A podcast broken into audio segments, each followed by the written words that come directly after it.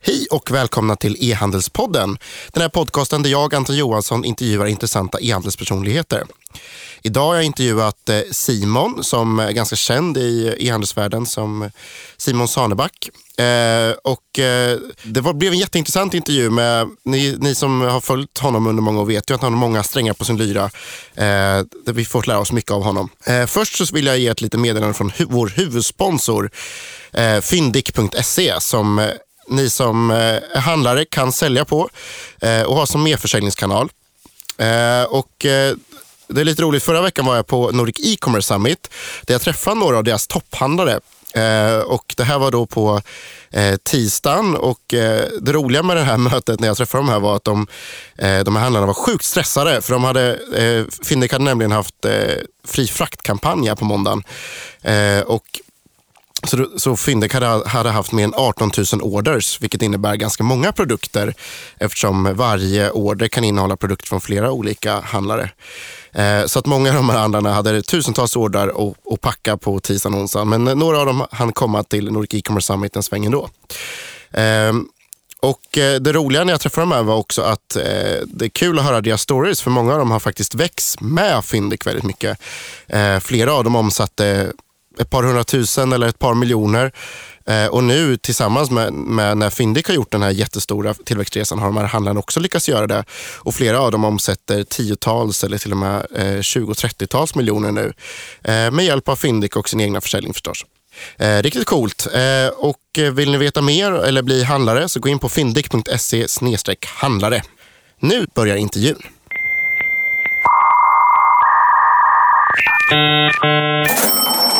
Hej och välkommen till E-handelspodden Simon Sanebäck. Saneback. Hej. Är det bra? Jag, det är bra. Jag, jag, var lite osäker ifall du skulle klippa och göra om det. För det, det, det har varit lite en diskussion här, Sara Wittbom och Arne Andersson, huruvida mitt efternamn ska uttalas. Men eh, Saneback blir det. Det blir bra. Saneback, det funkar. Jag, jag brukar skämta och säga man går back när man jobbar med mig, så då, då kommer man ihåg det. Ah, ja, det är kul e-handelsskämt tror Exakt. um, kan du inte bara kort berätta om eh, vem du är? Um, ja, Den korta versionen.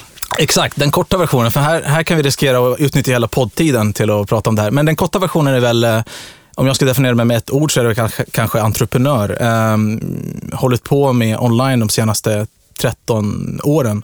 Startade mitt första bolag vid 16 års åldern och eh, jobbat med e-handel de senaste 8 åren. Eh, det är väl den superkorta versionen till mm. Super-Anton. Sen så vet jag inte om vi ska köra en, eh, en längre variant, men vi kommer komma in säkert på det. Ja, nej, men du kan väl börja med att förklara hur du började med e-handel och vad det, vad det, hur du kom in på det egentligen från början. Um, så e-handel var ett naturligt steg i och med att jag jobbat med online uh, under en ganska lång, uh, lång period. Sen så är jag inte uteslutet online. Jag har också jobbat med en massa andra saker, testat väldigt mycket. Många pratar om, om learning by doing, jag pratar om learning by feeling. Jag har också gjort en massa misstag. E-handel kom jag in, uh, jag var inne och hjälpte en, en fysisk butik som höll på att gå i konkurs, om vi nu ska vara lite transparenta och öppna. Um, så jag var inne under en period och hjälpte till och så vidare. Och sen så fick jag en förfrågan om att komma tillbaka och, och ta över tillsammans med en kompanjon och, och rädda den. Och då, då startade vi faktiskt e-handel. Från en källare, det här vanliga klyschiga, från en liten källare som skakades när tunnelbanan liksom körde förbi. Uh, och vi byggde det från noll till 100 miljoner på fem år. Um, och det var det som var uh, TS? Eller TS, TS.com. Ja. Det, brukar jag, det är i alla fall min baby. Det ska heta TS.com. Uh, uh, ursprungligen hette det Top Streetwear. Yes. Just det. Och, men du kan väl börja med att förklara om den resan. Vad, Eh, det var, liksom, det var lite så här ödesnyck att ni fick ta över den här verksamheten, eller hur? Um, det, det, finns, det är en väldigt lång och komplex story, men det, den korta versionen är väl att det, det, är en fysisk butik som har funnits väldigt länge i centrala Stockholm. Um, man ville ju, lönsamheten var väldigt dålig. Det här är en butik som låg mittemot Åhléns på, på Klarabergsgatan, så att hyran är ju ganska kostsam. Eh, man har inte haft världens bästa rykte, så det hette ju något helt annat innan. Sålde eh, falska produkter och märken. Eh, väldigt mycket genom streetwear och, och hiphop-segmentet. Eh, eh, ehm, så man ville ju sälja bolaget för två miljoner, minns jag, vid, den, vid en viss tidpunkt. Och, ehm, jag eh, jag fick en förfrågan om att komma in och, och, hjälpa till och ta över den här. Och då var det en, det var en idé om att man skulle göra om. Man bad om lite pengar, tog ett, något lån eh, och bad om att göra om allting. Och, eh, du vet, varumärke. Och det, gjorde en one-pager och skulle heta mystreetwear.com, men det domänet var upptaget. Och så fick det heta Top Streetwear. Väldigt, väldigt spontant. Eh, och sen så hade man en succé eh, direkt efter. Vi... Eh, det, de, det, det slutade, om vi tar det sista, så slutade det med att vi, eh, vi inte bara hade eh, online som största mm, intäktskälla, men även Finland blev största marknaden. Det är inte kanske jätteöppet. Vi tog in riskkapital 2010. Eh, stora investerare kom in. Vi köpte ts.com-domänet för eh, 186 000 dollar. Vi, vi har gjort massa strategiska projekt. Vi började tillverka eget i Asien. Vi eh, jobbade med distribution, agentur, under agentur. Vi sålde till konkurrenter utan att konkurrenterna visste. Jag personligen fick eh, över 30 konkurrenter att gå i konkurs. Så om du gick in på allabolag.se för kanske 4-5 år sedan och sökte eh, streetwear, så varenda bolag utom mitt bolag stod det konkursinledd på i liten röd text.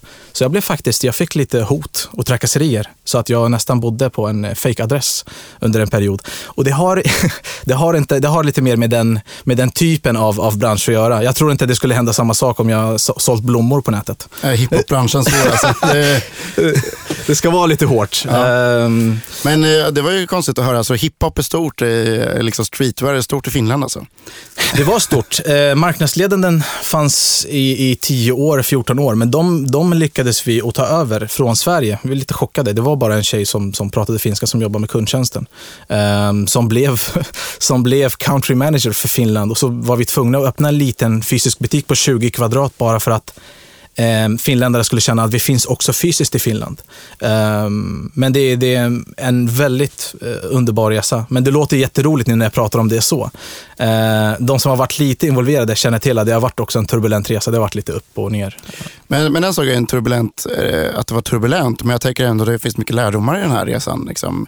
Eh, kan du inte bara förklara hur ni, så här, om man delar upp det lite, så här, hur ni gick från 0 till 10 miljoner i, i omsättning och hur ni gick från liksom 10 till 100 sen. Vad, vad, egentligen, vad, vad var era success factors på något sätt? Um, om vi börjar, jag brukade säga, det här låter lite taskigt att säga så här, eh, men om man ska fortsätta vara öppen så brukade, brukade jag säga att vi vill vara streetwear-världens Lidl. Så att jag vill eh, ta in några jättestora etablerade varumärken som skulle locka kunderna. Men sen så vill jag sälja egen produktion eller varumärken som jag kontrollerar. Så det slutade med att vi hade 70 procent av sortimentet var ju på något sätt kontrollerat av oss. Antingen med egen tillverkning, eh, egen distribution eller så hade vi agentur eller commission på det. Um, och det var ju de höga marginalerna, vilket ledde att du kunde i princip kunna ta in en Lacoste piké för 899 och sen så har du en relaterad produkt som du säljer för 199 som är en no-name brand. Um, så det, det, var väldigt enkelt att, uh, att dra in, driva in trafiken och sen så var det väldigt, väldigt hög konverteringsgrad i och med att du visste exakt hur du skulle kunna pusha in uh, till något annat. Nu är affärsmodellen lite annorlunda när bolaget har blivit förvärvat flera gånger. Men, uh, men det, det var egentligen att ha starka kända varumärken för att få in folk mm. och sen sälja egna brands med hög marginal billigt som just gjorde att folk konverterade över ja. till kunder kunder sen. Så du hade väldigt höga påslag, ja. Eh, och så kunde det, det är väldigt enkelt. Jag menar, du, du kunde köpa någonting som är, ju, är två år gammalt från, från, eh, från USA. Från Magic Show, eh, USAs eh, största eh, apparelmässa. Eh, så kunde du köpa in någonting som är två år gammalt och rensa någonslager. Liksom. Köper in en t-shirt för, vad kan det vara, en halv dollar. Och så kan du sälja in den här för 399, sen så halverar du priset och så, är det, så säljer du det. det. Det kanske inte är den snyggaste affärsmodellen, men du tjänade pengar i slutet. Så att, eh, det funkade. Det var helt enkelt billiga streetwear som var liksom eh, ja. affärsmodell någon ja. ja. Eller liksom, ja. fynd streetwear. Ja, ska man ja. kunna säga. Um, men ni, ni, var liksom, eh, ni startade, ni drog, eller tog över det här mm. och liksom började fokusera helt på online då, mm, mm. mer eller mindre. Um, och sen så liksom, hur växte ni då? Var det bara genom att liksom öka marknadsföringen och bättre sortiment? Eller vad var liksom de här, var det så här för att ni breddade sortimentet? Eller var det... Bredda sortimentet och sen så jobbade vi väldigt mycket eh, med fysisk, eh, alltså offline eh, marknadsföring. Så min kompanjon var ju då ansiktet utåt mot kunderna. Jag, var inte så jag är inte så representativ mot kunderna. Jag är inte den coolaste kid on the block. Liksom. Eh, jag skötte allt bakomliggande. Så han var ju offline-killen. Vi var ju med på, alltså vi var ju lastade på produkter och gick på olika danstävlingar, du vet, eh, i olika orter runt om i Sverige. Vi gjorde, vi grindade ordentligt. Eh, kunde ibland sova i någon bil tills polisen kommer och liksom väcker oss och säger, vad, vad, vad gör ni här utanför McDonalds? Det här låter igen väldigt klyschigt, men det, vi har gjort allt det här från scratch och vi hade ju inga pengar. Um, och sakta men säkert byggde vi upp det. Liksom stad för stad, tävling för tävling, eh, community till community och sen så spred det sig. Jag menar, vi hade ju noll kunskap om hur man skulle driva kanske AdWords marknadsföring eller, eller någonting i, i det initiala stadiet. Eh, men jag menar, kunderna gillade det och vi, vi, växte, eh, vi växte organiskt i början. Absolut. Men var det här var det en stor fördel också? Att, det var en ganska så här, att den här världen var ganska en stark community också? Att liksom det fanns de här tävlingarna, folk sågs, folk pratade med varandra. Var det så det spreds lite grann? Eller var det... Ja, alltså vi, vi kunde ju få någon som ringer in och säger tja, jag vill, jag, jag vill ha er logga. Ni är så jäkla coola. Jag vill ha er logga på min affisch och jag vill inte ha någonting för det. Ni får ha er monter här. Ni är så grymma grabbar. Kan ni komma in här?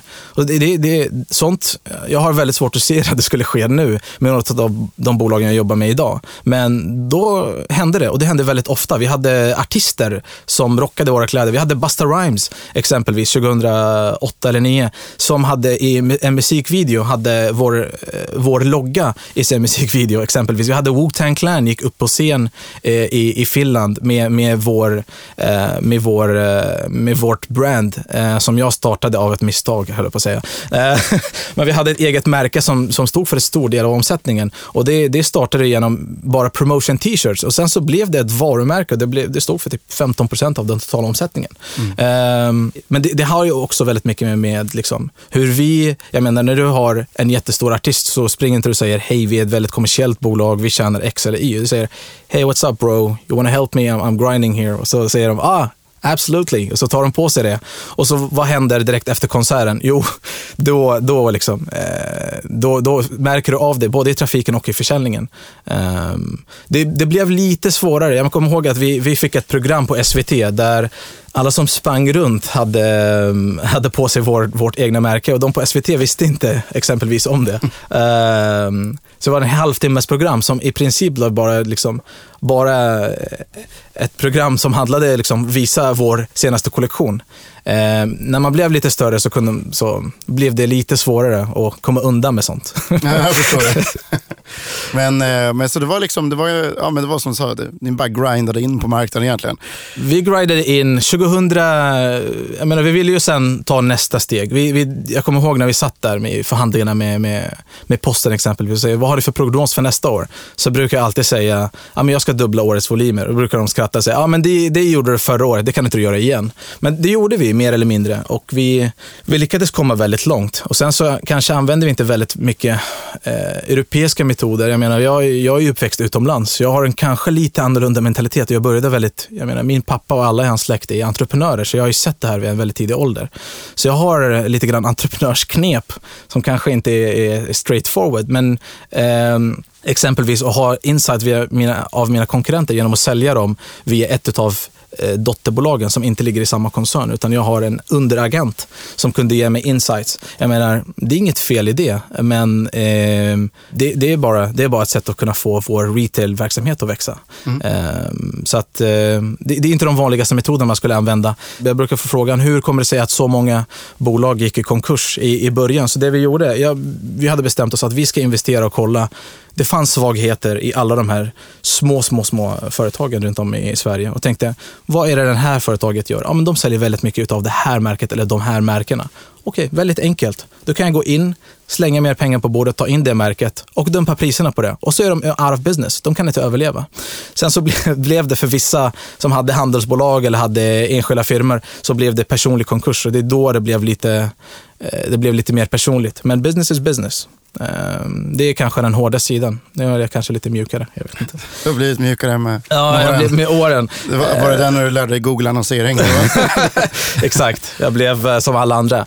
2010, då, då um, ville vi ta nästa steg och jag, jag igen, som så här Hollywoodfilm, vi, hade, vi drog in några investerare. Vi gick inte så jättepublikt med det. Vi drog in eh, Göran Grosskopf, de som jobbar med investering känner till, eh, styrelseordförande på Ikea och massa andra stora bolag.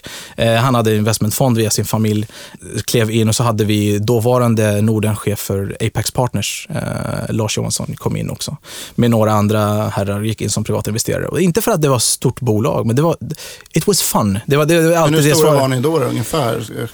Nej, Det var då vi skulle ta, komma in på, på 100 mil eller strax under. Men då var ambitionerna igen att ta det här till någonting mycket större. Eh, det som blev att vi började starta en massa sidoprojekt och massa sidobolag. Eh, jag menar, under den tiden, jag, jag drev, jag tror jag drev sex bolag samtidigt. Eh, min kompanjon hamnade på akuten. Han gick in i väggen och jag, jag hade en average sömn på kanske 3-4 timmar. För att vara ärlig, utan att överdriva. Ehm, så det, det var ju ganska hårda tider, men vi tyckte det var, det- vi tyckte det var kul. Men eh, en, en av de här idéerna, varför det hette TS.com, jag satte mig ner och tänkte, men vi har liksom eh, JC, eh, Junior Center eller, eller H&M. Det är, ingen som, det är väldigt få som vet internationellt vad H&M står för. Uh, Hennes och Maurits eller MQ, uh, eh, Man Kvinni etc. Så jag tänkte på alla de här casen. LG står inte för Life is good, det står för något, Lucky står för Lucky Goldstar exempelvis. Så hade jag i sista sekunden, man- vi skulle gå och förvärva något bolag, eller hela styrelsen skulle gå och göra någon stor affär utomlands. Och jag minns att jag tog Arlanda Express och sprang till Arlanda och skulle säga, jag kom på en sjukt bra idé som jag gjorde i sista sekunden. Så jag har kvar den här äh, broschyren som jag printade ut i sista sekunden och sa, vet ni vad? Jag vill att vi ska gå från Top Streetwear och bli något annat. Vi skulle kunna vara Ties and Socks efteråt. Nu är vi i helt kritiskt läge och jag har ju nu lyckats förhandla till domänet från 320 000 dollar till 186 eller vad det nu var. Och eh, jag hade ett helt färdigt koncept som vi gjorde på väldigt, väldigt kort tid för att hinna. Och eh, pitchade in det. och så eh, sa de, ja, det här låter sjukt kul. Det här ska vi köra. Men sen när jag lämnade bolaget eh, strax efter så, så backade man tillbaka från den strategin. Och jag har inte haft eh, jättemycket med det bolaget att göra. Men vi faktiskt, om jag ska avslöja någonting så sålde vi faktiskt domänet för några veckor sedan till espen.com. Eh, och det sålde vi för eh, 263 000 dollar.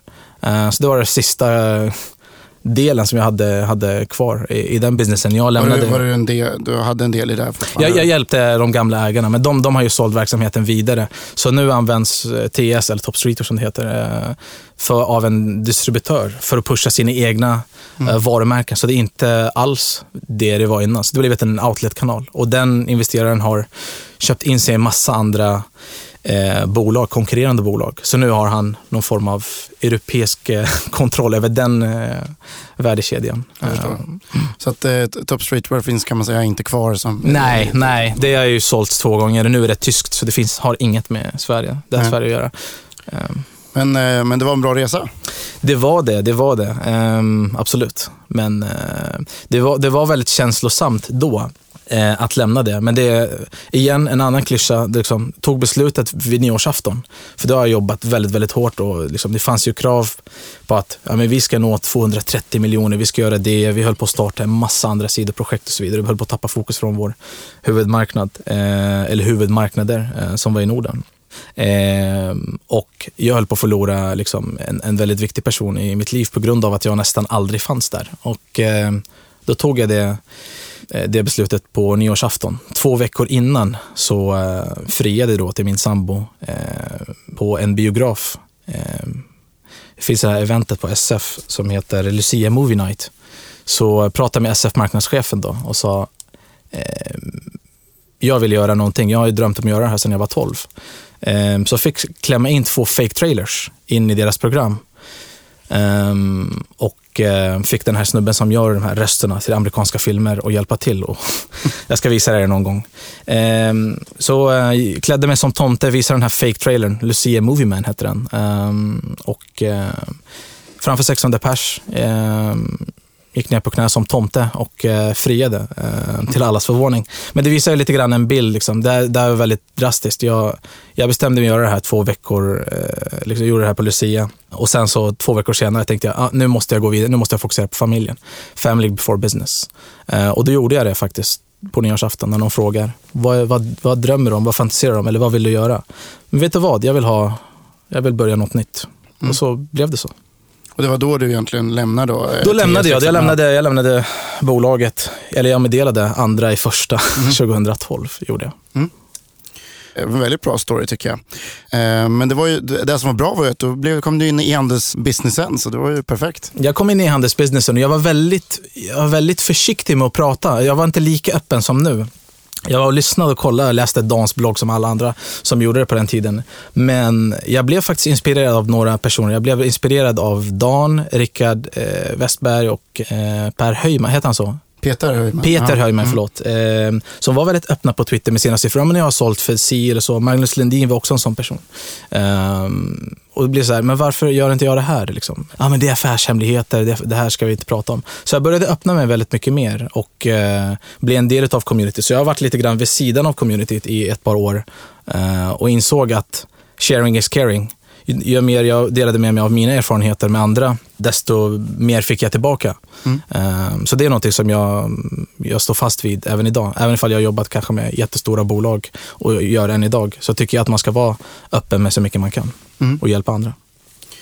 Um, och eh, om jag förstod det rätt så, så var det sen du började jobba som e-handelskonsult eller vad man ska säga? Eller, eller vad var ja, nästa steg? Liksom? Direkt efter så uh, det blev den här artikeln på ehandel.se och jag fick en massa förfrågningar. Men jag valde och kände att okej, okay, nu har jag jobbat med en viss storlek och jag vill lära mig lite grann av de här stora bolagen, hur de jobbar. Och då fick jag ett erbjudande om att jobba med, med Brightstep. Jag pratade med Mattias då. Som en ganska känd eh, e-handelskonsultbyrå mm, kan man säga. Absolut, absolut. Så jag kom in på, på Brightstep, jobbade där ett år. Problemet var, det, det är lite svårt för mig och försöka ta betalt för mina, alltså för mina kunskaper. Jag är ganska öppen av mig. Så uh, i ärlighetens namn så kände jag mig lite grann som en prostituerad person. Liksom. Uh, det är liksom, ja men okej, dagen före så kunde du ringa mig och säga, tja, hur gör jag om jag ska gå in i Tyskland eller Ryssland eller whatever? Och så skulle jag dela med mig av den, den informationen till dig och sen helt plötsligt vill jag ha betalt för den. Det, det var ju, man var lite kluven där, uh, lite grann. Men um, det var en väldigt intressant resa jag lärde mig en del om, om konsultvärlden, men eh, jag insåg också att de stora bolagen inte, bara för att de är stora innebär inte att de är superduktiga. Um, eller har en massa processer eh, på plats. Därefter fick jag en förfrågan från, från eh, Smart Guy, som det hette då. Mm. Um, och klev in där strax ett år efter att ha jobbat som konsult. Men bara innan vi lämnar mm. Brightstep, vad, man kan säga så här, vad gör man då som e-handelskonsult på Brightstep eller på en sån? Vad, vad är det egentligen man, man hjälper kunderna med? Det är ju... eh, Brightstep är uppdelat i två delar. Det finns den tekniska delen, så de hjälper ju med eh, implementationer och jobbar med några stora plattformar. Och sen finns det strategikonsulting, alltså eh, utvärdera eh, vilken plattform man ska jobba med exempelvis. Eh, eller hjälpa till med konverteringsoptimering och så vidare. Eh, jobba med analyser, jobbar med UX och så vidare. Så det är de här två delarna. Jag jobbar lite mer med strategidelen ehm, för det mesta. Och det är väl ganska mycket traditionella retail-aktörer som, som Bicep jobbar med? Det är det. Det är några av, av de största i Norden, absolut. Det är det. Så det är liksom, det är ju, de har ju en annan utmaning kanske än vad Eh, alltså, de har ju Omnichannel och hela den här grejen. Liksom. Ja, de har andra utmaningar än vad andra pure players eh, har. De är duktiga på massa saker och sen så är de mindre duktiga på annat. Eh. Kan, du, kan du bara, så här, om du nu har sett lite båda världarna, liksom, eller upplevt mm. båda världarna, vad är liksom eh, deras fördel från eh, fysiska världen och vad är deras nackdel och vad är liksom pure players fördel och nackdel? Um väldigt kort. Eh, alltså de, de, stora traditionella retailers har ju vanligtvis eh, starka varumärken eller starkt brand awareness. Eh, så det, det, hjälper ju dem. Eh, och de har ju en hel del trafik som kommer in på deras sajter, Så det, det, är enkelt att försöka konvertera in denna till eh, till försäljning online. Problemet är ju kunskap. Alltså det, det, jag har sett väldigt många av de organisationerna som eh, försöker rekrytera inifrån. Så personer som förstår sig in på självaste bolaget men kanske inte har jättebra förståelse för online. Eh, det är ett exempel jag har sett många gånger. Så det, det, är lite grann det här dilemmat. Ska vi ta in någon som är jätteduktig på online som inte förstår vårt bolag? Eller ska vi rekrytera in någon som har varit butikschef eller har jobbat Eh, någonstans liksom nära eh, den typen av frågor på marknadsavdelning och så vidare eh, och ta över den här online-delen. Eh, så dels är det kunskapen, men det, det går att lära sig. Eh, det, det, är inte den svåraste utmaningen. Eh, kanske den största utmaningen är förståelse på hög nivå. Så att hela den här omnikanal slash e-handel slash whatever du vill kalla den frågan finns inte på så hög nivå. Eh, eller så ligger den nedtryckt under sälj eller marknadsavdelningen, vilket enligt mig är ett stort misstag. Eh, och det här är inte någonting som bara finns hos eh, retailers. Det finns ju även på logistikbolag exempelvis eller annat. Eh, där man inte har förstått förståelsen för, för revolutionen som sker digitalt. Och så har du liksom en, en säljdirektör, en marknadsdirektör som inte tar rätt beslut för att man saknar den kompetensen. Man kanske är sjukt grym på allt som finns offline, men kanske inte det, kan det som är, som är online.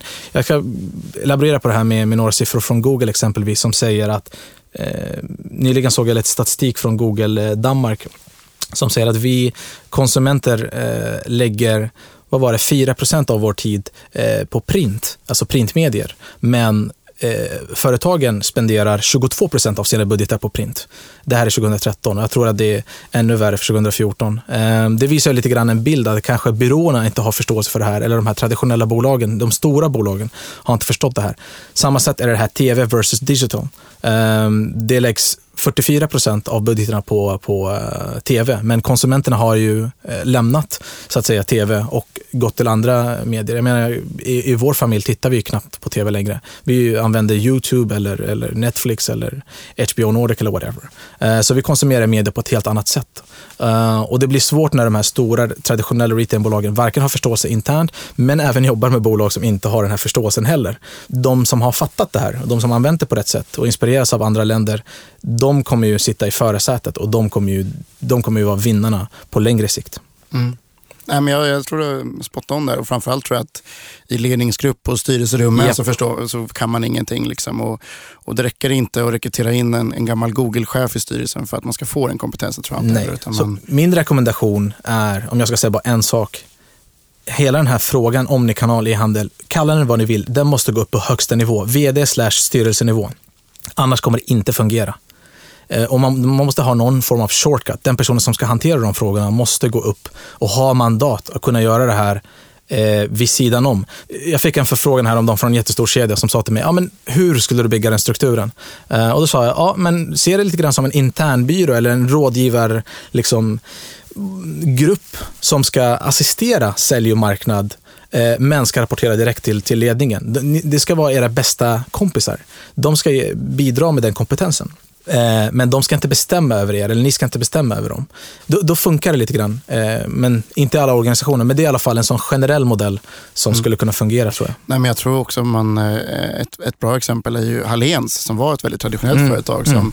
som, där Freddy var först var liksom e-handelschef och sen yeah. så, nu är han liksom koncernchef. Yeah. Och den som var liksom e-handelskompetensen har nu blivit koncernchef, vilket jag tror är helt yeah. rätt i deras utmaning. Liksom. Mm. Um, Bra, men sen så fick du alltså då det här erbjudandet från Smart Guy. yes. Om vi kommer in på det då. Eh, ja. Berätta om, om hur det gick till och vad, vad, vad du bör, var, varför de ville rekrytera dig och hur och så vidare. Eh, nu har jag jobbat, liksom, jag är inte kanske en van att jobba som anställd väldigt, väldigt länge, men om det finns en, en tanke med att kunna lära sig någonting eh, så är det kanske väldigt intressant. Och Det började egentligen med att jag fick ett mail, I know who you are, call me, så fanns det inget telefonnummer.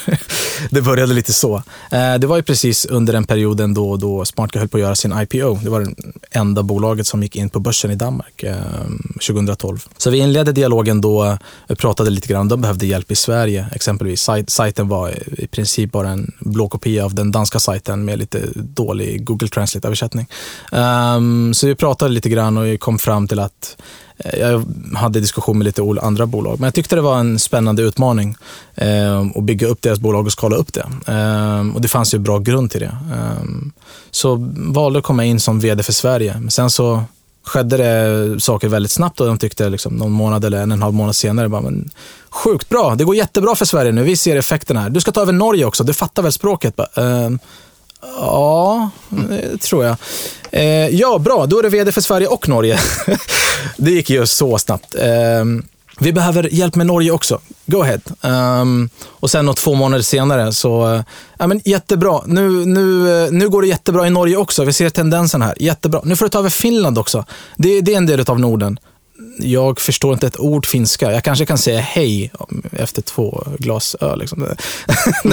det var lite, ja men hur som helst. Liksom. Ja, men gör vad du kan göra i Finland. Det, nu går det, vi, det här är jättebra. Go, go for it. Fick jag ta över Finland också. Det här, liksom, all det här skedde under mindre än ett halvår. Väldigt surrealistiskt så. Eh, men ändå jättekul. Fick börja bygga upp liksom, teamet. Eh, på det sättet. Eh, problemet som jag såg var att väldigt många tappade fokus. Eh, smart Guys gick ju från liksom en hemmamarknad i Danmark och så startade de 12 marknader på 12 månader eh, i samband, eller parallellt till sin IPO. Så jag kände att fokusen började försvinna lite grann. Alla började hålla på med det som är kul och började tappa lite grann fokusen på hemmamarknaden. Och det fanns inte så mycket starkt fokus. Så det slutade med att jag började signa avtal för Polen och tyckte det var low hanging fruits. Det här ska jag, men det är ingen som, som tar tag i det här. Ja, men det, damn it. Jag, jag, jag, jag börjar liksom göra det här. Om någon ifrågasätter, jag vet exakt varför jag gör det här. Um, och sakta men säkert gled jag in och blev säljchef för hela koncernen. Um, och och eh, ja, två månader senare så, så eh, kom jag med i, i koncernledningen, blev CMO och CSO. Um, ehm, det här hände det, under liksom första året? Det här är, allt det här hände under det första året och så står man där och okej, okay, vad har hänt här? Jag, okay, det skulle vara att jag skulle vara här liksom en gång varje kvartal. Det börjar hända att jag är här varje månad, varje vecka och så vidare. Så när jag gick in i koncernledningen, vilket är jätteärofyllt såklart, eh, jätteintressant bolag, 16 marknader, eh, jätteintressant team. Eh, men det, det hände att jag började flyga in till, till eh, Danmark varje Eh, varje vecka, varje måndag för de här ledningsgruppsmöten. Och eh, då började man inse att okej, okay, nu ska det bli ett seriöst bolag. Så då tog man in en, en riktigt professionell styrelse och man anlitade en, eh, en extern vd för första gången. Så man gick från det här entreprenöriella, entreprenöriella och jag var med under hela den fasen. Och eh, sen så insåg man ett halvår senare, så det, var, det kanske inte skrevs om det jättemycket utanför danska medierna, men det blev så att styrelsen hoppade av efter ett halvår för att deras beslut, grundarna ville inte ta, ta och bekräfta dessa och eh, eh eller genomförde inte dessa. Och så hoppade direkt vdn av också, som kom från Telmore, eller satt med i styrelsen på TDC bland annat. Eh, vilket var väldigt tråkigt. Eh, för att han hade, det är grundarna som kom och tog, tog över sitt bolag igen. Eh, och under den här fasen så har Zalando tagit stora marknadsandelar. Så SmartGuy gick inte från att vara marknadsledande till att vara liksom för, för, för bara så vi får det ja. på eh, klart. Alltså SmartGuy var lite som ett Nelly eller Zalando som sålde liksom kläder och skor. Och det stämmer. Har funnits, har funnits sedan år 2000. Ehm, var en dansk liksom? En dansk eh, Nelly kan man säga eller? Ja, pionjär eh, inom, inom mode. Så att, eh, också startar från en liten källare, en liten by eh, utanför Köpenhamn. Och, och sålde både kända varumärken och egna, eller hur? Nej, ma majoriteten är, är, kända varumärken. Um, det började egentligen, um, sålde, blev som någon form av online outlet ehm, för 13 år sedan, 14 år sedan. Och sen så, ju mer man växer så kände man nu vill vi gå in, flytta in i finrummet och börja sälja lite kända varumärken för fullpris. Uh, ehm, gjorde succé utomlands, startade en massa nya marknader, gjorde flera förvärv. Ehm, och så vidare. Men ehm, det blev ganska tufft um, under, under en period. Och det är liksom, hela den här resan har varit också väldigt lärorik. Vi var väldigt nära på exempelvis att köpa, köpa Brandos. Uh, jag var väldigt involverad i, i due diligence-processen. Uh, men det blev Footway som, som uh, hade lite mer cash kanske. Vi erbjöd bara equity. Mm. Eh, så att jag, jag själv gick in och också investerade i, i eh, SmartGuy och var den personen som ansvarade för hela den här mergen av våra sex brands. Smart Guy, Smart Girl, Smart Kids, Smart Sports, uh, Style Deluxe som var förvärvat och så vidare. Eh, allt in i, i StylePit. Dock så, var inte så den allt som... där blev StylePit sen istället? Jajamensan. Ja, heter ju koncernen StylePit nu också? Ja, den heter, ja. Ju, den heter ju StylePit. Mm. Så att, det här är ju lite svårt, för när vi gjorde marknadsundersökning så hade vi i Danmark en varumärkeskännedom på 71 procent inom målgruppen, vilket är extremt högt. Och liksom, göra en, en namnändring är kontroversiellt, men det blir ganska viktigt, för frågan är jag ska göra en tv-kampanj. Vilket namn ska jag välja? Vilken målgrupp? Uh, av SEO-skäl är det inte jättebra om du har en produkt som syns på två olika ställen. Och de här kannibaliserar lite grann på varandra marknadsföringsmässigt och brandmässigt. Uh, så alla utländska marknader startades med namnet StylePet. Det är därför vi hade namnet redan färdigt.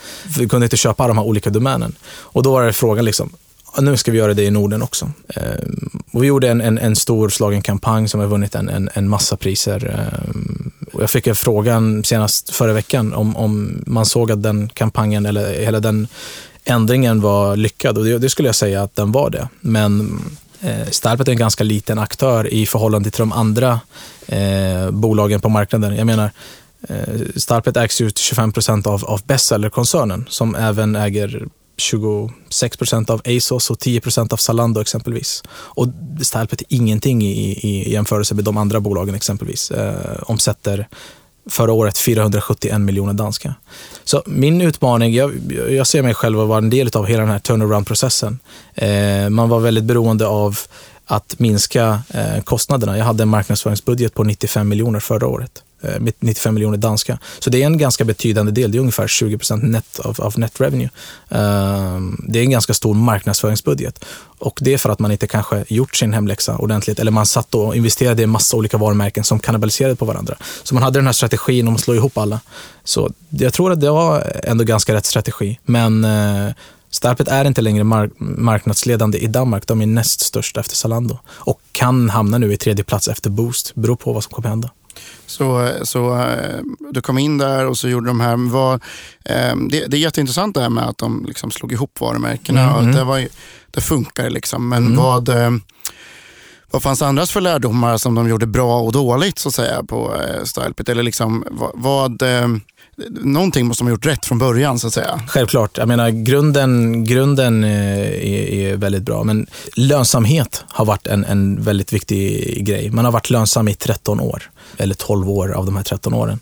Ehm, så det, det, är väldigt viktigt. Det som har varit ganska intressant är att man gick in på en massa marknader. Sen så kan jag tycka att man gick in på för många marknader på kort tid och man säkerställde inte sin, sin hemmamarknad. Eh, eller alla sprang åt, åt det som är kul.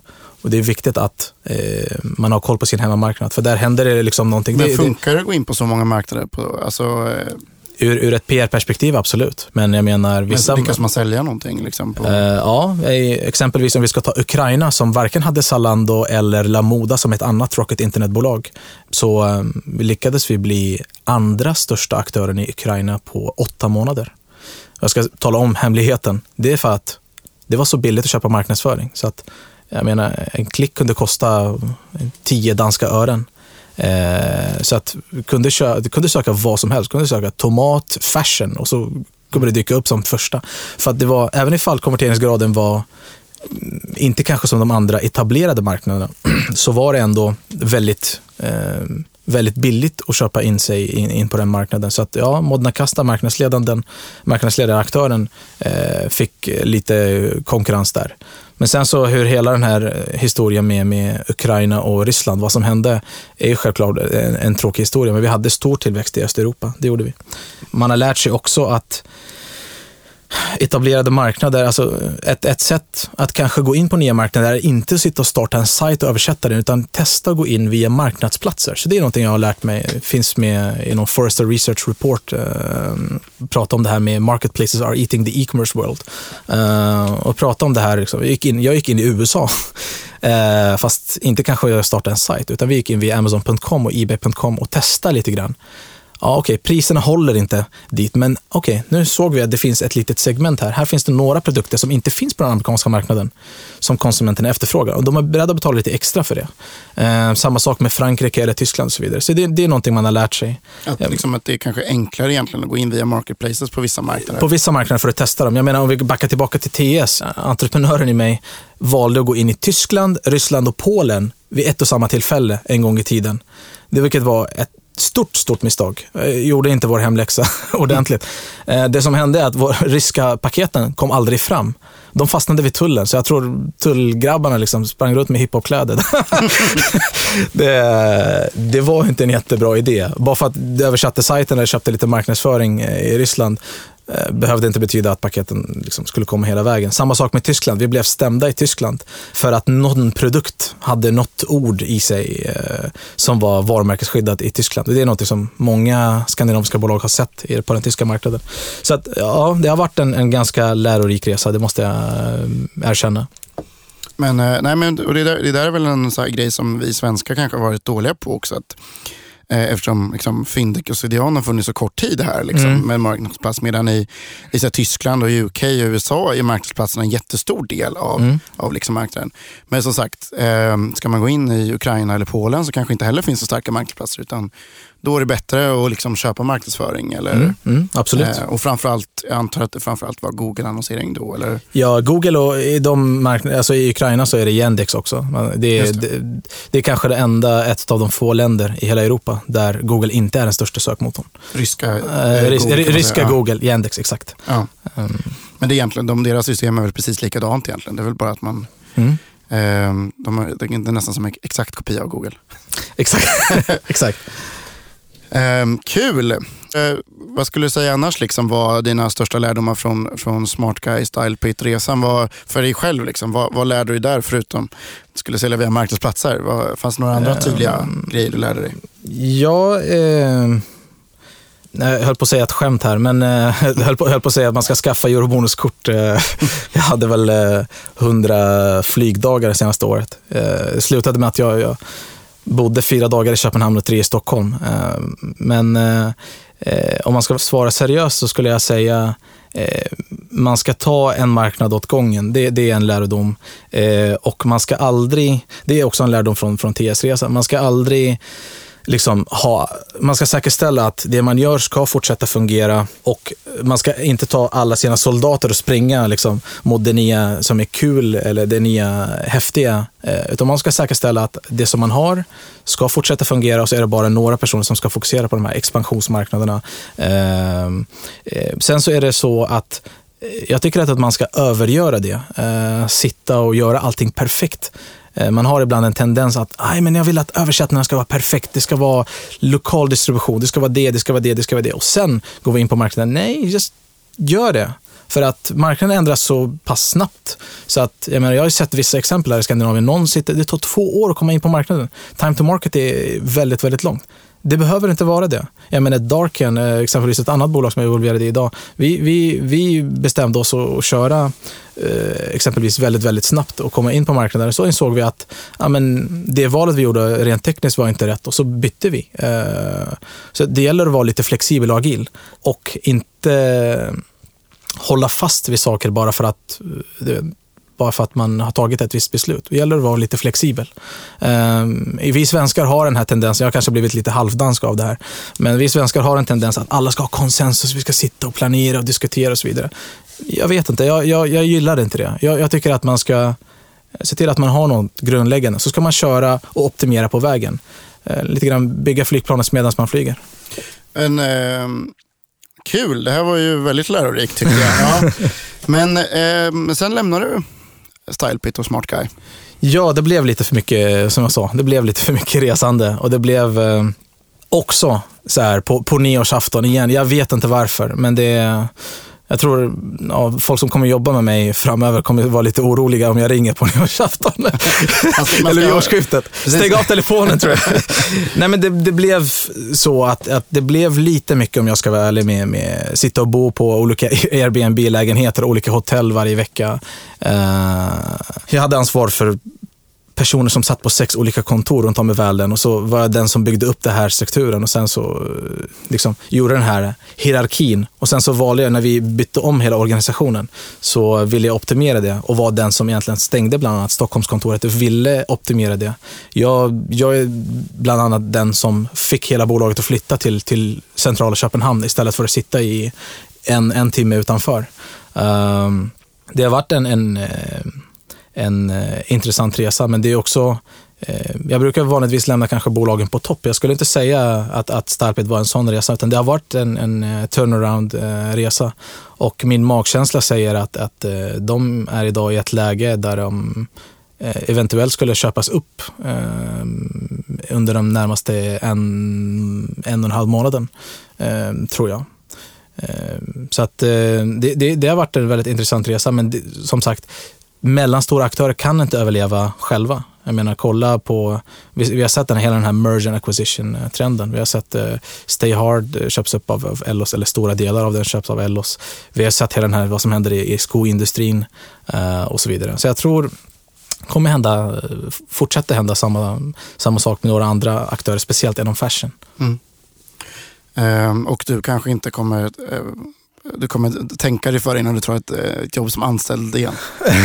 ja, alltså det, det, ska, det ska vara någonting som jag kommer verkligen lära mig av eh, för att jag ska ta det. Men eh, eh, ja, det tror jag. ja, jag förstår.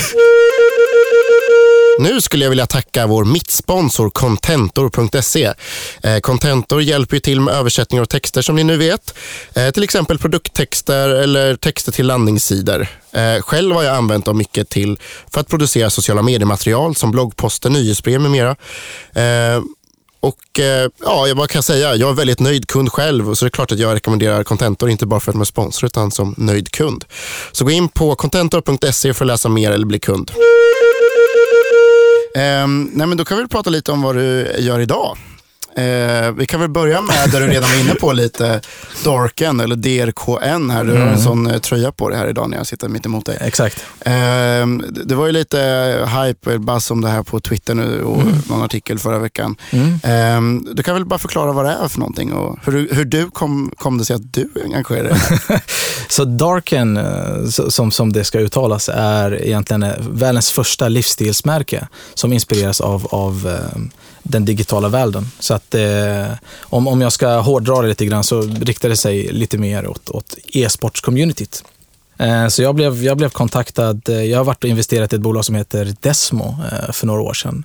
Eh, och eh, via deras styrelseordförande tror jag fick en rekommendation om att bli kontaktad. Eh, så här har man byggt hela konceptet och var precis eh, på väg att göra en, första runda. Eh, och jag, jag, jag, blev kontaktad av vdn, Fredrik Weissner, Eh, som berättade hela idén och det blev bara helt perfekt för mig. För det kombinerar ju allt som jag liksom brinner för. Jag har själv inte gameat jättemycket eh, de senaste åren med tanke på att jag har fått jobba väldigt mycket. Eh, men eh, Eh, gaming, streetwear, mode och e-handel, eh, speciellt global e-handel. Här har man exempelvis några ambassadörer som har några miljoner eh, liksom, likes eller fans på Facebook som sprider sig från allt från liksom, Norden eller, eller Centraleuropa eller Nordamerika till typ, Sydkorea. Och då är det så jättespännande att kunna hjälpa dem att bygga en sån lösning som skulle kunna fungera lite överallt.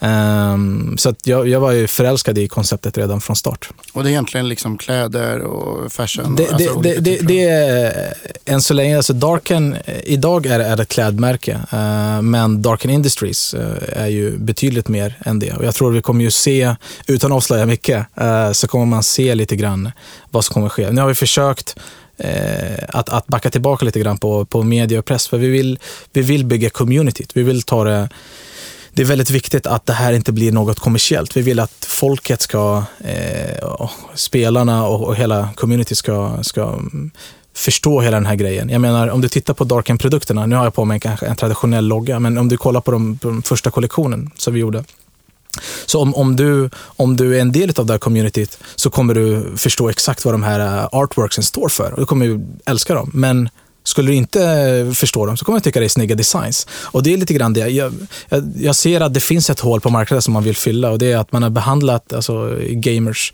eh, lite grann på... De traditionella produkterna är mer liksom Super Mario t-shirt med en liksom, logotyp. Det är merchandise. Och jag, tror, jag tycker att de personerna är lite mer intelligenta än att de ska få liksom, den typen av, av in your face eh, merchandising. Så det här handlar mycket mer om dolda eh, subliminal messages eh, i artworksen. Eh, tycker jag är väldigt, väldigt fin kvalitet. Eh, en av grundarna är ju eh, Greger Hagelin eh, som har varit med och grundat eh, WSC WeSC bland annat. Och sen så är det en massa andra personer som är med och backar upp det här. Så det, det kommer bli väldigt spännande. Coolt. Och jag antar att en, en liksom stor del i att få det här att flyga som sagt community, men liksom då, då, kan man göra att ni jobbar mycket mer med att synas på så Twitch och liksom få själva liksom spelarna själva bära ja, de här. Ja. Och liksom vara en del av communityn snarare än, ja. än att göra Google-annonsering så att säga. Ja, jag menar det, det är mycket viktigt. Vi har börjat göra den typen av grejer, men som sagt, vi vill inte göra de här vi vill inte slå på den stora trumman och hoppa och få en, en första sida på en jättestor liksom, dagstidning. Det är inte målet. För att det, det, är inte, vi, vill, vi vill vara en del av community. De personerna är så pass passionerade som är med i det här och som supportar det här. Uh, och våra ambassadörer gör det här, inte för att kommersiella, utan det är för att de gillar det här. Jag menar, jag, jag eh, själv eh, tycker det här är, är Eh, fyller liksom ett hål på marknaden som inte finns. Så det, eh, det kommer bli väldigt spännande att, se. Sen så har vi några spelutvecklingsbolag som är också med eh, i loopen och som man kommer att se lite mer av. Så det handlar inte bara om fysiska produkter och bara klädprodukter. Det kan, hand, kan handla om lite mer saker som ligger runt omkring. Det kan handla om events, kan handla om, om saker som man kan köpa digitalt inuti spelen eller whatever, utan att avslöja för mycket. Men det, det, kommer bli en spännande resa, men vi kommer att ta det lugnt eh, initialt eh, för att det är viktigt att bygga communityt.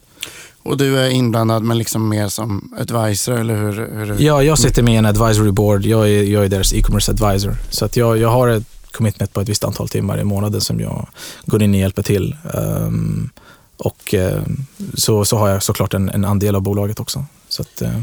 Kul. Och um sen så eh, blev ju vi konkurrenter eller kollegor också. Jag gick in i styrelsen på Reko som jobbar med rekommendationer och du gick in i, i Storebadge som jobbar med rekommendationer. Mm. Och vi båda ska slåss mot Trustpilot mm. ihop. på det sättet är vi kollegor kanske. Ja. Eh, hur kommer det sig då? Var det också eh, eh det, det, hade ingenting med e-sport att göra riktigt. Utan, eh... Nej, Storebadge, alltså jag, jag, jag träffade Johan Frykendal som, från tiderna då han var med och jobbade med trygg e-handel. Eh, träffade honom för något, något år sedan. Eh, lite casual så berättade han om jag håller på och bygger upp den här idén och så vidare. Uh, tyckte det var intressant. Jag har jobbat med honom på hans senaste projekt, e-avtalet. Och eh, han knackade på dörren när, när produkten var, var färdig. Så produkten är färdig eh, och sa liksom, vad tycker du om det här? Jag har jobbat med Trustpilot såklart, i och med att självklart jag har jobbat i Danmark, så Trustpilot är ju ganska viktigt. Eh, och tittat lite grann på tekniken och tyckte att det här är faktiskt väldigt intressant. Så vi körde ett, en, en, eh, ett pilotprojekt via Stylepad och det är där jag började egentligen som kund. Eh, väldigt tidigt eh, i början på det här året. Och Eh, jag gick med i deras advisory board och sen så valde jag faktiskt att investera dessutom för jag tyckte att man sitter på någonting väldigt, väldigt spännande.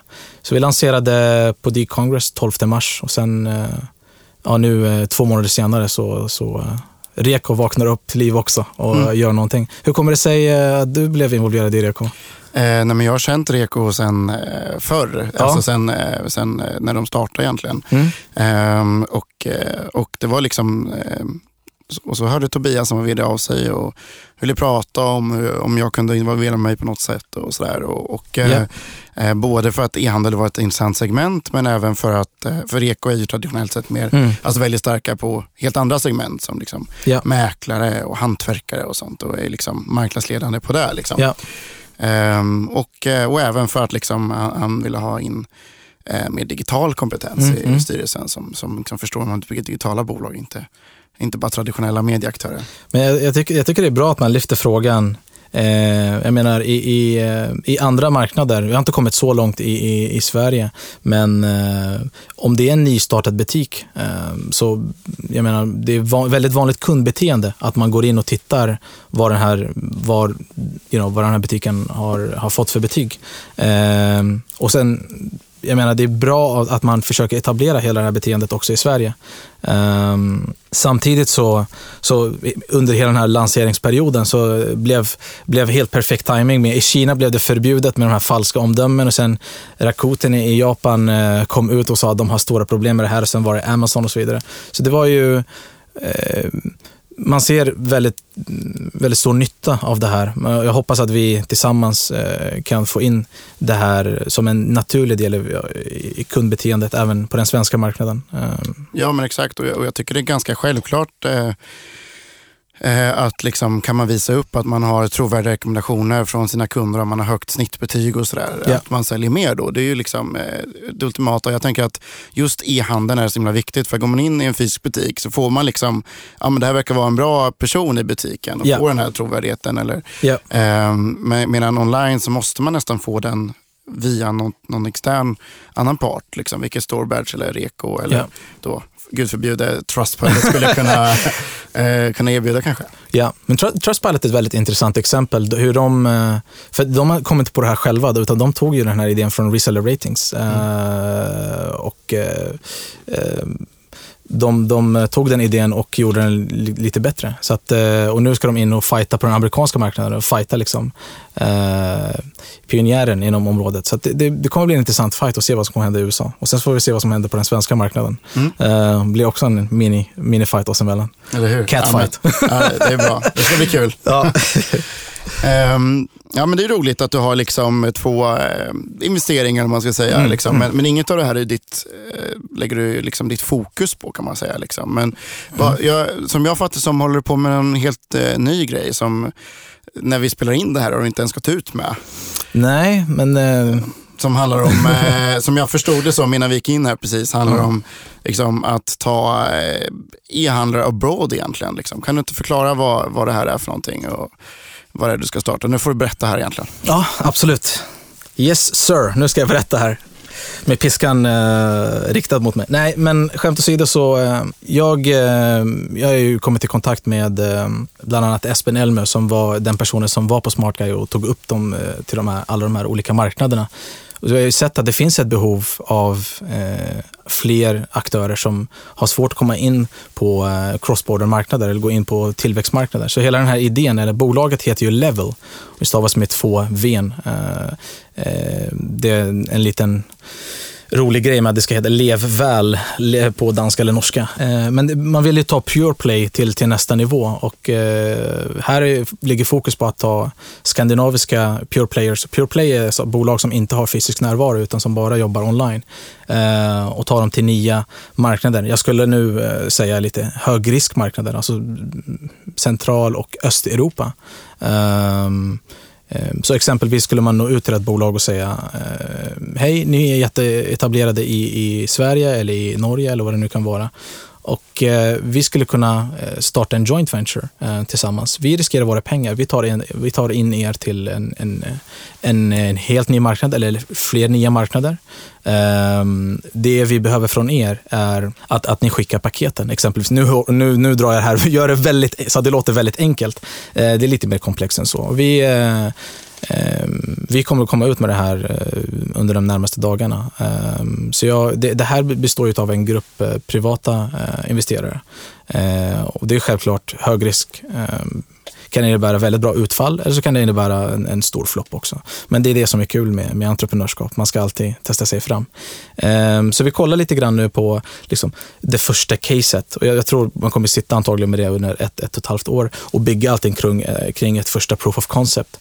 Uh, vi har fler eh, vi har varit och kollat på marknaden och frågat, finns det intresse för det här? Och det är fler stora etablerade bolag som, som intresserar sig av det här. Men jag tror det är viktigt att försöka hitta sig en, en ehm, en viss typ av bolag. Så att vi har ju kollat att vi vill ha bolag som inte är alldeles för stora, så att det, går, det finns ett förhandlingsutrymme och de ska vara lönsamma. Så det är inte intressant med ett, ett bolag, som exempelvis Stylepit kanske, som har hård konkurrens, som har jättebra produkter, men visserligen, men det, det, det, det är tufft att, så att säga, tjäna pengar. Uh, på grund av konkurrensen eller på grund av att det skulle krävas väldigt mycket marknadsföring. Så det, det, det kommer att bli en intressant resa och, och bygga upp det här. Um. Och, och, idén är egentligen att att eh, säga en, en svensk e-handelsaktör då, som säljer i Sverige och som mm. har en etablerad verksamhet. Mm. Eh, behöver liksom inte omsätta 100 miljoner men ändå ha någon nej. verksamhet och vara lite lönsam. Ja. Eh, och så säger ni till dem så här, okej, okay, ni vill gå in i uh, Ukraina eller mm, Polen mm, eller vad det kan vara. Mm, exakt. Och, och, så säger vi så här, nu startar vi ett joint venture, vi tar jättestor del av risken. Um, det enda vi ni vill att ni, alltså vi skickar från ert lager och mm, liksom, så mm. där behöver vi inte bygga upp. vi sköter all operations i princip utöver det logistiska. I vissa fall så har vi också diskuterat, jag menar vi, vi kan också, nu ska jag inte, ni inte hugga till sten, vi, det kan hända att i vissa fall så kan man sköta en del av logistiken också, men det, det får vi kolla på då.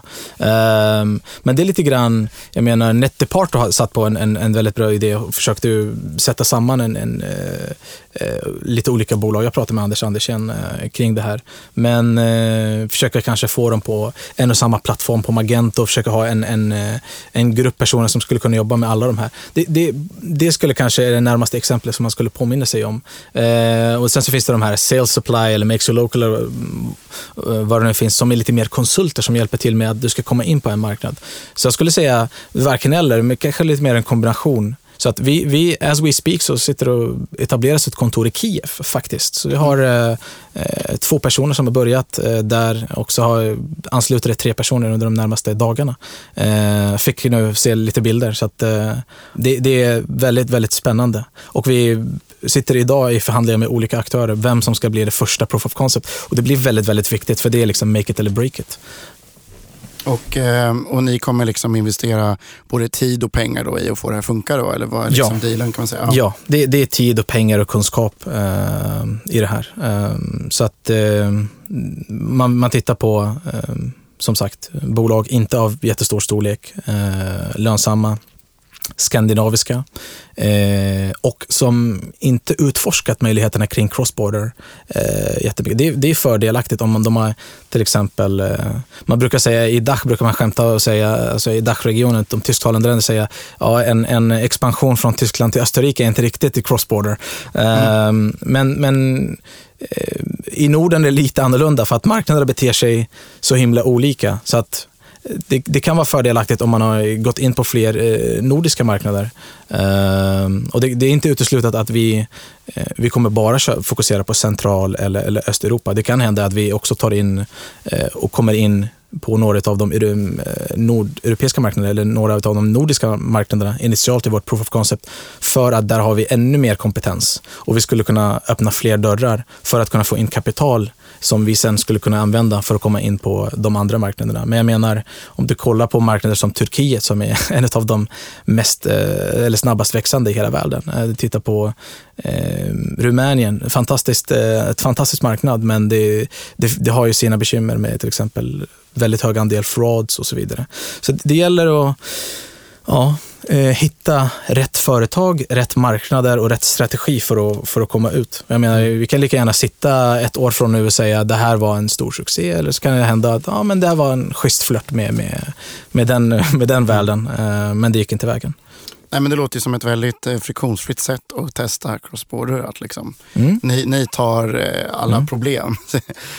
Eller många av problemen. Liksom. Ja, men sen så behöver du inte etablera ett brand. Jag menar, du har ett brand, du har ju marknadsföringsmaterial, du, har ju, liksom, du, du tar det och anammar det eh, och lokaliserar det. Så sköter du translations och, och eh, kundservice och eh, alla de bitarna. Eh, fixar betalningsväxel eller vad det nu kan behövas för en lokal marknad.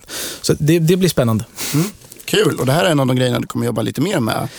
Du kommer jobba lite mer mm. med, absolut. Yes. Det här är inget bara liksom advisory board-grej? Utan det är... Nej, men det, det, är lite, det är lite svårt att sätta... För, någon ställer en fråga. Liksom, vad, vad är det egentligen du jobbar med?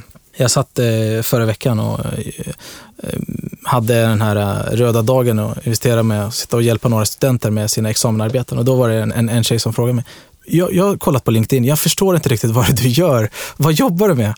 Eh, så sa jag, ja, jag, jag har hört den frågan innan, men det är, jag är lite all over the place. Det är liksom, eh, försöker inte lägga alla mina ägg i samma korg. Det är lite grann som dig faktiskt. Det, du sitter också, det är lite kontroversiellt att komma från dig, men du, du är lite grann som mig. Sitter och har en massa ägg i uh, olika korgar, uh, sprider risken lite grann och ser vilken, vilken häst som springer snabbast och sen så hoppar du kanske på den eller hoppar på fler hästar samtidigt. Jag vet inte. Ja, exakt. Nej, men jag, jag brukar säga, jag, min kompis Ted Valentin är ett ganska ja, bra exempel. Ja. Han, han har massor av olika sajter och massor av olika projekt. Och, och liksom, eh, det funkar det med. Så här. Sen så absolut så tycker tycker, alltså jag har ju också jobbat och liksom fokuserat, jobbat på ett ställe i sex år och liksom, yeah. eller i, i, flera års tid. Och, så här. och Jag tycker det är, det är jättevärdefullt att fokusera men i de här mellanperioderna där man liksom har gått från ett sånt är det väldigt bra att liksom explore different opportunities yeah. tills man har kommit på både vad man själv vill göra och vilken häst man ska springa på som är ja. mest intressant. Sen så man ska gå på vad jag gör annat. Sen så har jag ett, ett, ett konsultbolag, liksom, traditionellt konsultbolag som jag hjälper lite olika retailers med omnikanalfrågor eller crossborder-frågor och så vidare.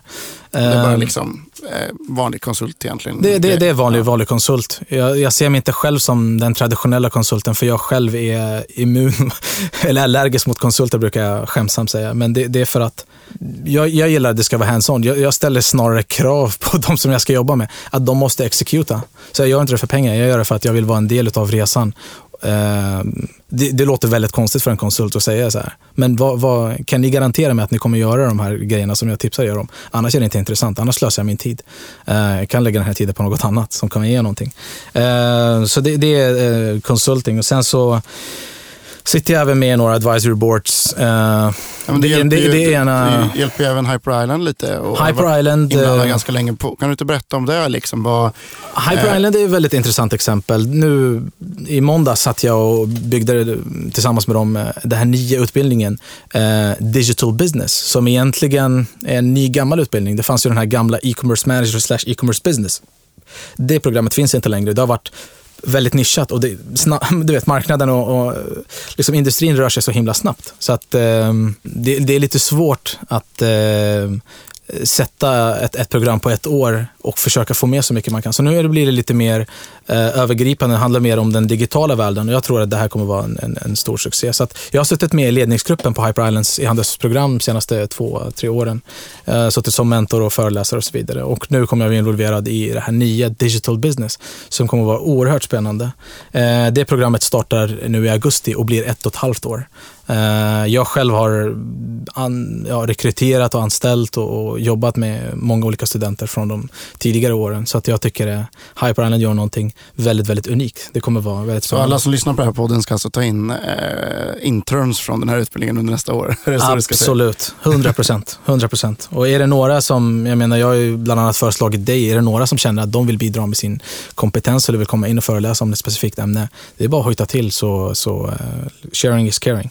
Uh, får ni lite karma-poäng också för det.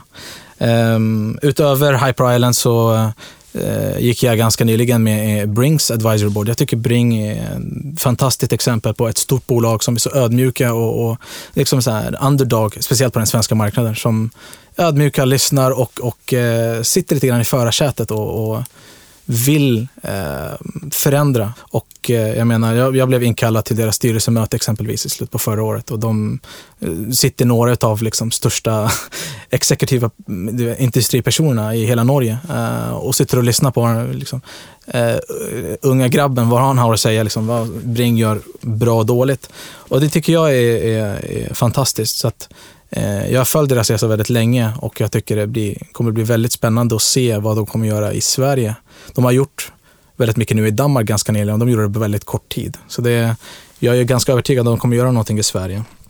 Det kan ni ju höra lite om i podden här för några veckor sedan. Det stämmer.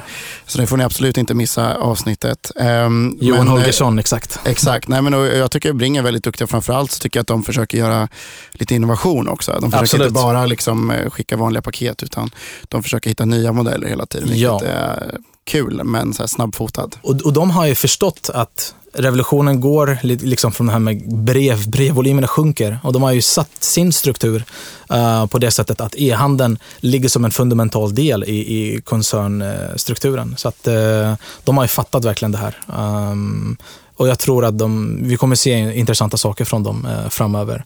Utöver Bring så sitter jag med i Klarna. Där sitter jag lite grann operativt nu och hjälper till att bygga deras advisory board faktiskt. Så jag har varit med och rekryterat medlemmarna, eh, sätter upp programmet och så vidare. Så vi kommer ha Eh, under de närmaste dagarna kommer bli det första mötet. Så det kommer bli väldigt intressant. Och jag tycker också det är fantastiskt att se ett bolag som Klarna som har funnits i tio år, eh, som är en disruptor, ehm, som är beredda att lyssna på marknaden och eh, vill ta in feedback. Jag har varit involverad i några projekt.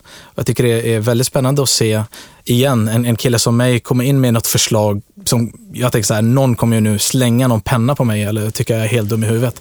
Men det blir så här, ja, sounds good. Det här, det här ska vi köra på. Så man kommer ju också kunna se lite grann närmaste tiden också från Klarnas håll. Eh, en massa intressanta grejer. Det är också helt fantastiskt eh, och, och eh, se på det. Och utöver de två sitter jag bland annat på eh, eh, e-commerce, eh, e-commerce Europe har Global E-commerce Summit, så sitter med och bygger upp det här programmet och sitter med som ordförande för European E-commerce Awards. Så kommer att vara väldigt, väldigt spännande kommer äga rum i Barcelona om, om eh, ja, mindre än en månad. Och det har varit en, en väldigt het diskussion om eh, vilken som ska bli liksom bäst på Pure Play i, i Europa.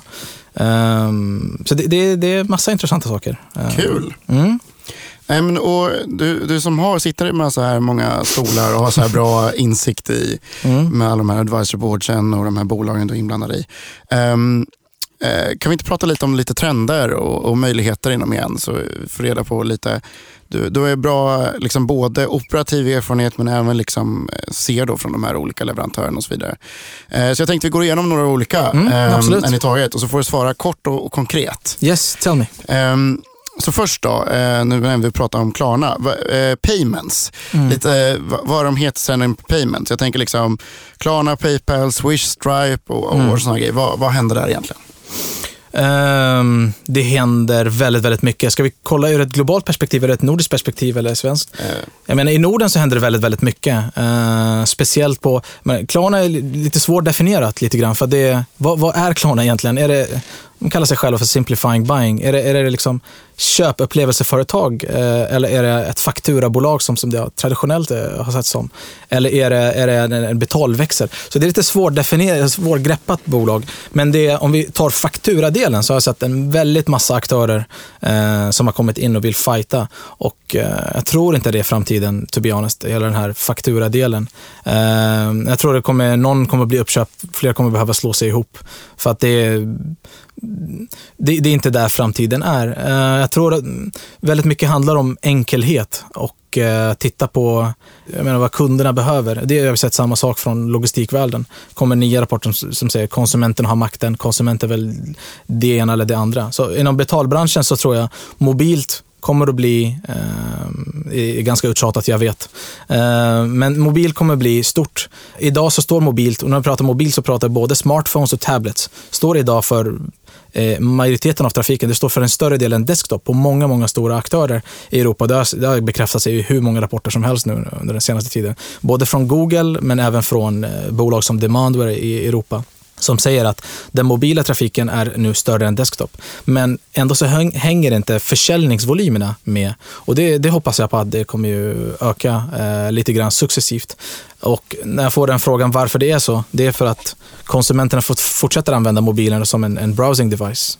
Och eh, det vill man att eh, förhoppningsvis ska ändras lite grann. Så det här initiativ som, Wish, eh, som, som Swish och som eh, Mobilbank-ID kommer att hjälpa att en, en marknad som Sverige kommer att gå väldigt, väldigt, väldigt fort eh, för. Det kommer, kommer kanske vara en av de, de eh, snabbaste, eh, eller de ideala marknaderna för just det här. Om du kollar på App Store till exempelvis så är det just de två bolagen, just Swish och eh, Mobilbank-ID som ligger högst upp. Eh, och de har ju blivit stora väldigt snabbt här. Ja. By a reason liksom. Eh, Yes. Men eh, så du tror att liksom mobilt eh, och mobila betalningar är liksom core? Är det någon, någon annan trend utifrån som är så här intressant? Är det någon, något, något exempel du har sett någonstans? Eh, nej, men väldigt många pratar om, om, om den här... Eh, om vi ska prata, fortsätta prata om betalningar, så eh, det, det är att fler hoppar på det här mobila tåget och eh, eventuellt att konsumenterna börjar använda smartphones eh, eller konvertera via smartphones mer än vad det traditionellt har gjort eh, Så det är lite beteendeförändringen Be- som är beteendeförändring viktig, har skett och det har vi sett lite grann med tablets för tre år sedan så var det exakt samma sak. Man, man använde det som second device men man konverterade inte riktigt med den och nu, nu har det beteendet förändrat. Och man har sett egentligen en, en, i många olika business inom online retail så har vi sett en högre konvertering eh, från tablets än från desktop. Så att eh, beteendeförändringar går väldigt, väldigt fort. På samma sätt med hur vi kons- konsumerar media och så vidare. Det, det sker väldigt, väldigt fort. Eh, och hur vi, bete- vi beter oss. Så att det går inte att förknippa med någon annan utveckling riktigt. Eh, vad tror du då om, eh, för att komma vidare då, vad, Mm. vad tror du om marketplaces då? Och då kan vi ta två frågor, dels Sverige och sen eh, abroad kan man säga. Mm. Eh, jag tycker det är jättebra med de initiativen som, som görs på den, på den svenska marknaden med Fyndiq och, och CDON Marketplace. Och nu har CDON Marketplace liksom stärker sin organisation eh, ytterligare. Jag, jag tycker det är väldigt intressant. Jag förstår varför man gör det. Ehm, men jag tror inte vi, vi, vi ligger så långt ifrån. Jag menar på andra marknader så har vi sett eh, väldigt många små aktörer har slängt in handduken och, och jobbar uteslutet via, via marketplaces. Ta Dachregionen exempelvis, där många småföretag har antingen uteslutit försäljning bara via marketplaces eller någonstans mellan 70-80%. Så det är en signifikant del eh, som går via marketplaces. Eh, jag tror trenden kommer komma dit också eh, i Norden, men det kommer ta lite grann ett tag. Kolla på till exempel eh, Ebay har inte lyckats komma in på den svenska marknaden. De var tvungna att för, förvärva eh, Tradera och gjorde ett till misslyckat försök att komma in i Sverige och det gick inte riktigt trots att de hade Tradera. Så det, det kommer bli intressant att se hur, hur trenden kommer gå Eh, i Sverige. Men eh, det går åt samma håll som i övriga Europa, men lite saktare. Och i Europa så ser du bara att marknadsplatserna liksom stärker sig hela tiden? Eller är det liksom, ja, men absolut. Vad ser du på Amazon till exempel? tänker jag? Men Amazon de har 27 procent av den totala e-handeln i USA. Det är helt fenomenalt. Eh, sen så ska man inte sticka under stolen. De har bara 3 procent av den kinesiska eh, kinesiska e-handeln. Då är det någon annan som har lyckats ta den marknadsandelen. Och Amazon försökte så, de blev liksom, de har en butik, en shop-in-shop inne i Alibaba Group för att mm. kunna sälja. Eh, du har olika aktörer som har dominerat. Och jag tror hela den här marketplace-revolutionen kommer ju slå in i Europa, kanske in i Norden också. Jag, eh, jag har ju sett att Amazon har försökt komma in, eh, men även, skulle inte förvåna mig om Alibaba också kommer in under de närmaste 18-24 månaderna på ett eller annat sätt. Tror du Alibaba kommer till Sverige för eh, Amazon? Det är min starka gissning och det har jag sagt ganska länge. Jag menar, gå tillbaka någon artikel för två år sedan så förespråkade jag exakt det här på någon artikel på ehandel.se.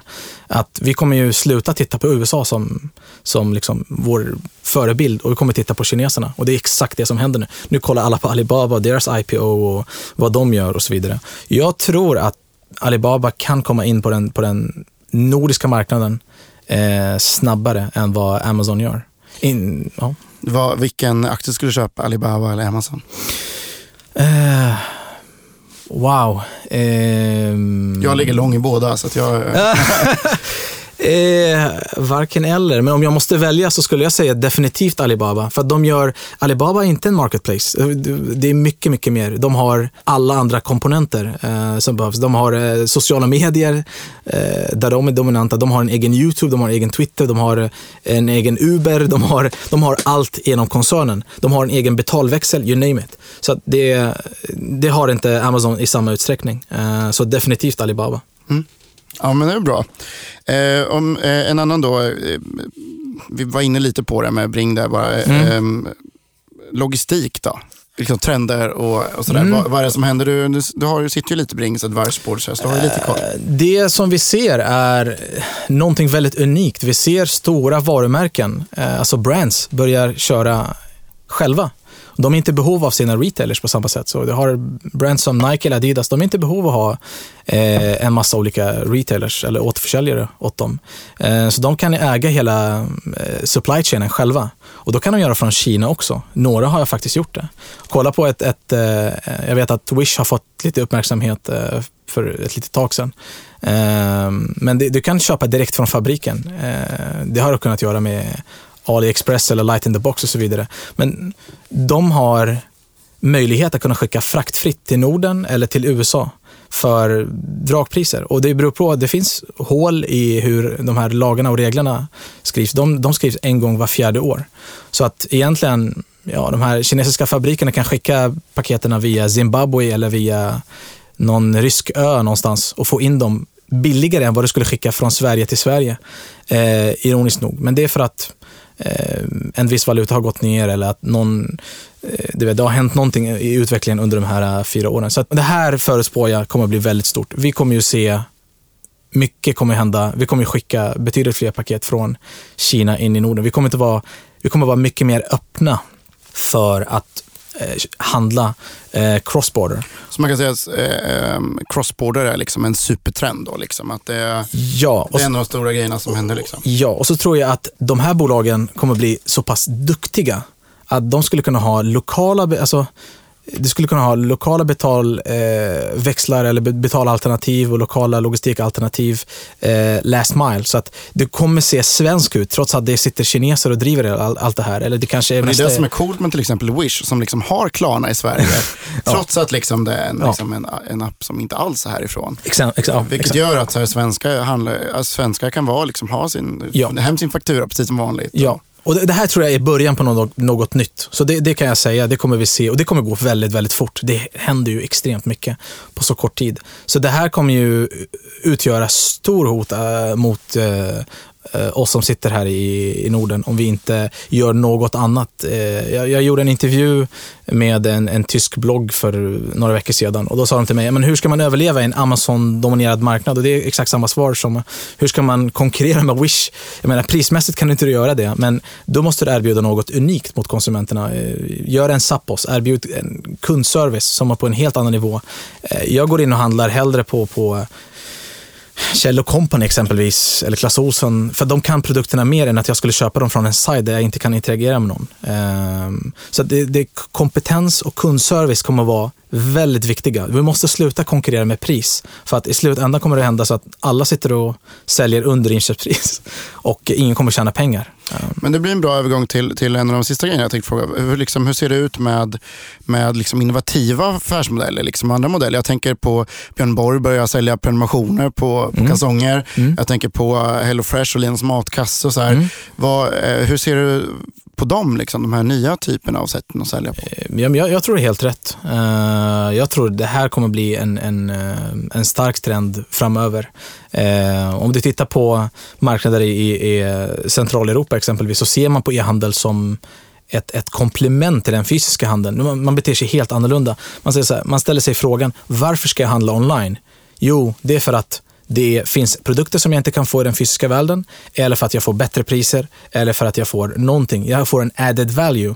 Och det, det, det är ett, ett beteende som är, som är väldigt intressant att titta på. Och jag tror att vi, om vi kollar på nu Norden, eh, så kommer det fler och fler sådana initiativ, eh, som du nämnde exempelvis. Eh, så jag tror det här är är helt rätt. Men det kanske också kommer ta ett litet tag innan konsumenterna har det behovet. Jag menar, ta, ta eh, de här paketautomaterna. Jag var tjatade till med, pratade med alla logistikbolag 2012. Eh, Bring gjorde en en floppad satsning 2007-2008 med de här paketautomaterna. Och det, jag, jag satt med också i någon rådgivande kommitté på, på Postnord vid den tidpunkten och, och pratade. Men varför tar vi inte in de här paketautomaterna? Nej, men det, det finns inte kundbehov eh, för det nu. Men helg och kvällsleveranser? Nej. Nu helt plötsligt, 2014-2015, nu har alla, alla hoppat på de här paketautomaterna.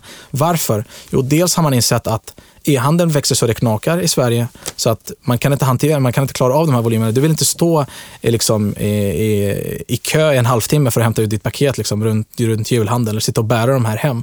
Eh, så kundbeteendet har ju ändrats. På samma sätt som vi konsumerar media, digital media på ett annat sätt så beter vi oss online också på ett annat sätt.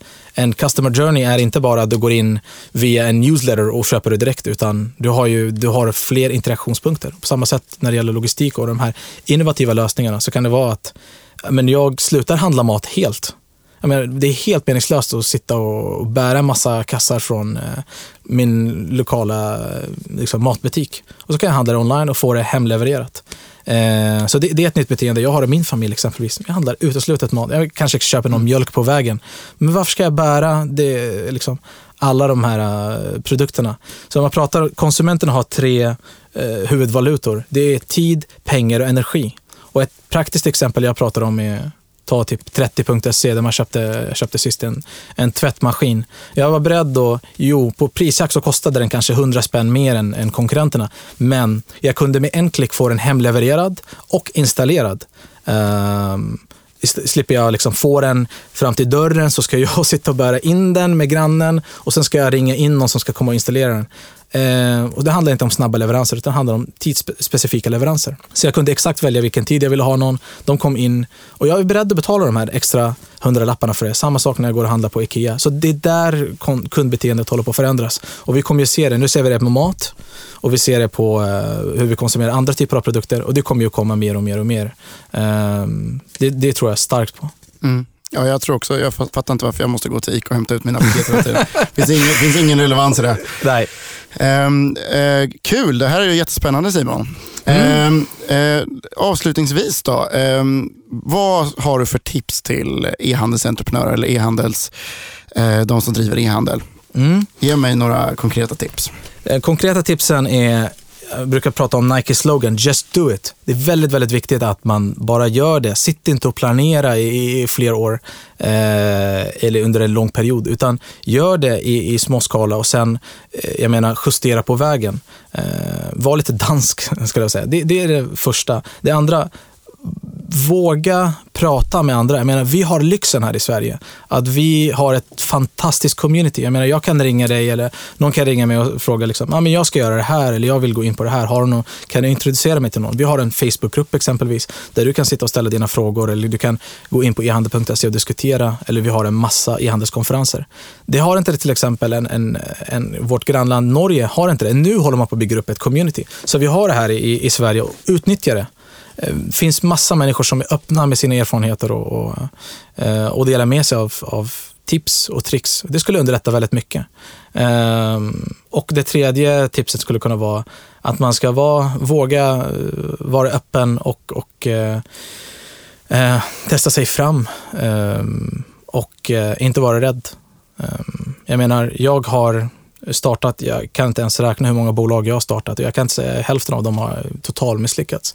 Men våga testa sig, våga testa sig fram och hitta det som, eh, som funkar. Och det sista tipset skulle jag säga, jobba med någonting du tycker är kul. Jag, jag anser inte att jag jobbar, arbetar. Jag, egentligen så jobbar jag 24-7. Eh, kan bero på min ADHD-diagnos. Men eh, skämt åsido, så jag tycker att eh, man ska ha kul när man gör eh, någonting. Man ska brinna för det man gör och då ser man inte det som ett arbete, utan det, man går ut och, och har kul istället. Grymt, vilken, vilken bra avslutning på den här intervjun tycker jag. Mm. Eh, var hittar man dig på nätet nu då? Lite överallt tänkte jag säga. Nej, men jag, jag finns eh, på Twitter, jag finns på, på Facebook, LinkedIn och så vidare. Så... Vad heter du på Twitter? Saneback, mitt efternamn. Eh, så har ni några tankar eller idéer, eh, undrar ni någonting så jag, jag snålar inte med, med eh, mina erfarenheter, så det är bara att hojta till. Kul, tack för att du ville vara med. Tack Anton och eh, tack till Appear och tack till alla sponsorer och tack till ehand.se. Det här är jättekul. Eh, jag själv hade en idé om att starta en e-handelspodd för fyra år sedan. Total misslyckad skulle heta ehandel.fm fortfarande inte startat igång det här. Så det, det, här tar ju mycket från din tid och, och från din energi. Så jag är, eh, och allas vägnar så måste jag tacka dig för att du, du gör det här. Det här är jättekul. Och tack alla som lyssnade. Jag vet inte hur många som inte somnat nu för det här laget, men eh, de som är kvar, så tack för att ni lyssnade. Det är jättekul.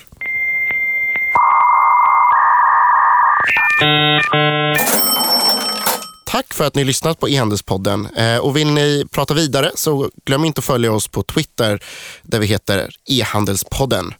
Eh, tack också till vår huvudsponsor Fyndik eh, som hjälper er handlare att sälja mer. De, en merförsäljningskanal där tusentals handlare säljer tusentals varor varje dag. gå in på fyndik.se handlare om ni vill signa upp för det. tack också till ehandel.se där jag samarbetar med och publicerar podden och till Aper som hjälpt mig spela in den här såklart. Eh, tack för att ni lyssnar och på återseende snart.